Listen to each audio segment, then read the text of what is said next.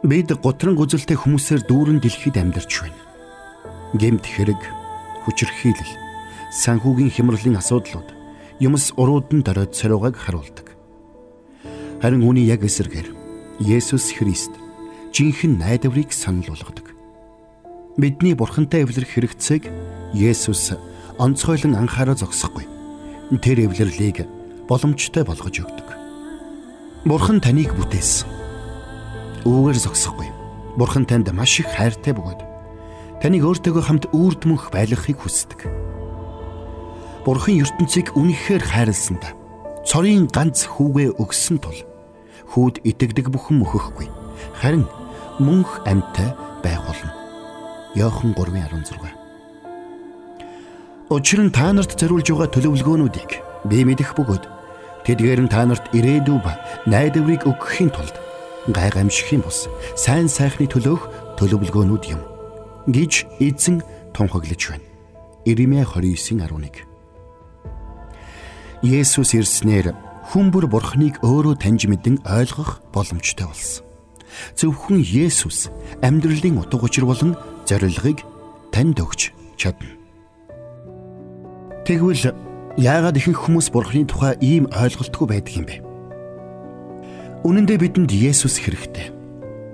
Бүгд Бурхны суу алдарт хүрдэггүй гэж Библиэд бичсэн байдаг. Ром 3:23. Бурхан биднийг өөртөөгөө харилцаатай байхаар бүтээсэн хэдиж бид үргэлж өөрсдийн дураар явдаг. Бид зөрүүд, амин хуваа хичээсэн, хэлсэн амлсандаа хүрэхгүй байх нь олон.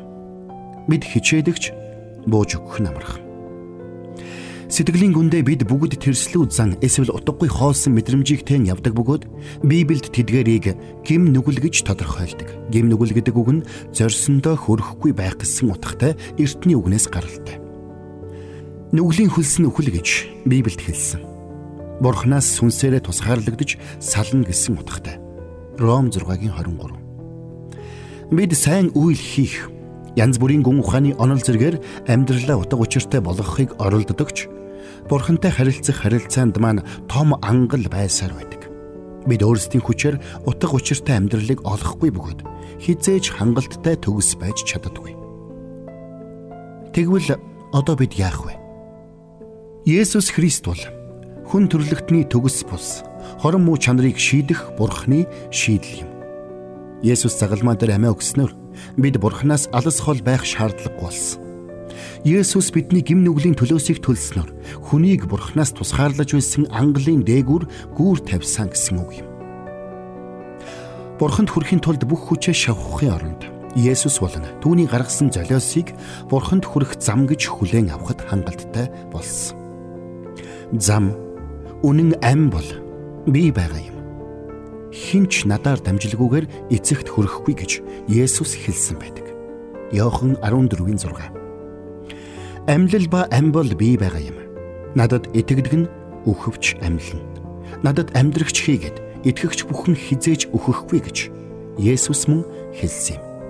Иохан 11:25-аас 26. Бурхны төлөвлөгөө болон зорилгыг таньж мэдснээр бүх зүйл дуусахгүй.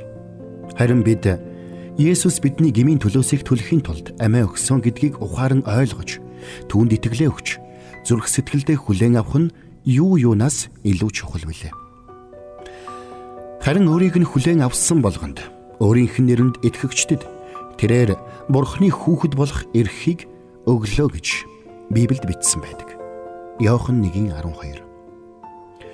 Бид Есүсийг итгэлээрээ хүлээн авч амьдралдаа оруулдаг. Библиэд энэ тухай нэгүслийн учир итгэлээрээ аврагдсан нь та нараас бус харин бурхны бэлэг бөгөөд үйлсээр чинь биш тул хинч үл сайрхах болно гэж мөн хэлсэн. Эфес 2-ын 8-аас 9. Хоёр төрлийн хүмүүс байдаг. Нэгд өөрийгөө төв болгосон хүн. Би тухайн хүн амьдралаа өөрөө удирдна. Есүс амьдралынх нь гадна байна. Хүсэл сонирхол нь өөр дээрээ төвлөрдгөөс болж ихэнхдээ зүгчгээ алдах, цөхрөл гутралд ордог. Хоёрд Христийг төв болгосон хүн. Есүс амьдралыг нь удирдна. Есүс Христийг дагна.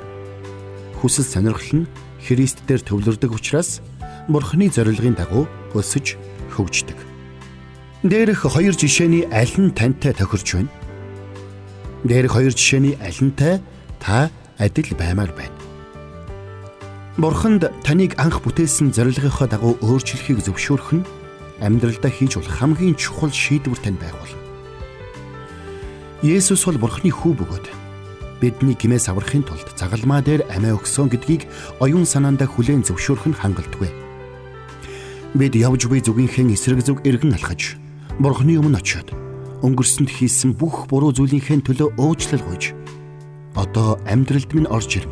Өөрийн хүссэн хүн болгон өөрчлөөч гэж чин сэтгэлээсээ шийдэн гуйх тэр мөчид шийдвэр гаргадаг. Энэ бол итгэл юм. Энэ бол зөвхөн итгэл биш. Таны итгэлээрээ хийж байгаа үйлдэл юм. Та энэ алхмыг хийхэд бэлэн бол Бурхантай ярилцгал үлдлээ.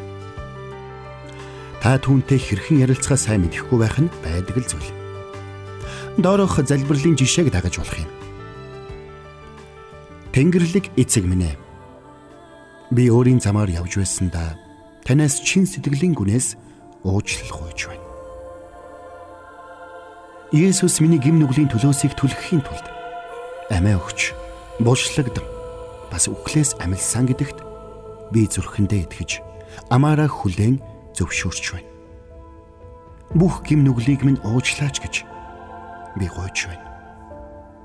Надад өөрчлөгдөх хүчийг зөвхөн та өгч танаас үрд мөнх тусгаарлагдахаас минь аварч чадна гэдэгт би итгэж байна. Амьдралыг минь удирдаач. Намайг өөрийн хүссэн хүн болгон өөрчлөөч. Есүсийн нэрээр залбирлаа. Амен. Та энэ үгийг бурханд чин сэтгэлээсээ хэлж чадах уу? Та бэлэн бол энэ залбирлыг яг одоо хэлээрэй. Есүс Христ амлсныхаа дагуу таны амьдралд орж ирэх болно. Есүсийн хийсэн зүйлд итгэж хүлээж авснаар та Бурхны хүүхэд болох хэрэгтэй болно. Учир нь Есүс таны гэм нүглийн төлөөсийг айл хэдийн төлсөн. Та гэм нүглээ хүлээн зөвшөөрвөл Бурхан таныг уучлана. Хамгийн гайхалтай нь Ийхүү Есүсийг хүлээн авснаар Бурхны танд зориулсан бэлдсэн тэр газар та үрд мөнхөд амьдрах болно.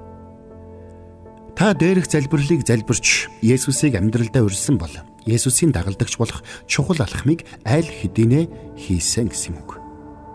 Есүсийн дагалдагч байх нь ямар утга учиртайг ойлгоход тань туслах богино хэмжээний хичээлүүдийг тун удахгүй үзэх болно.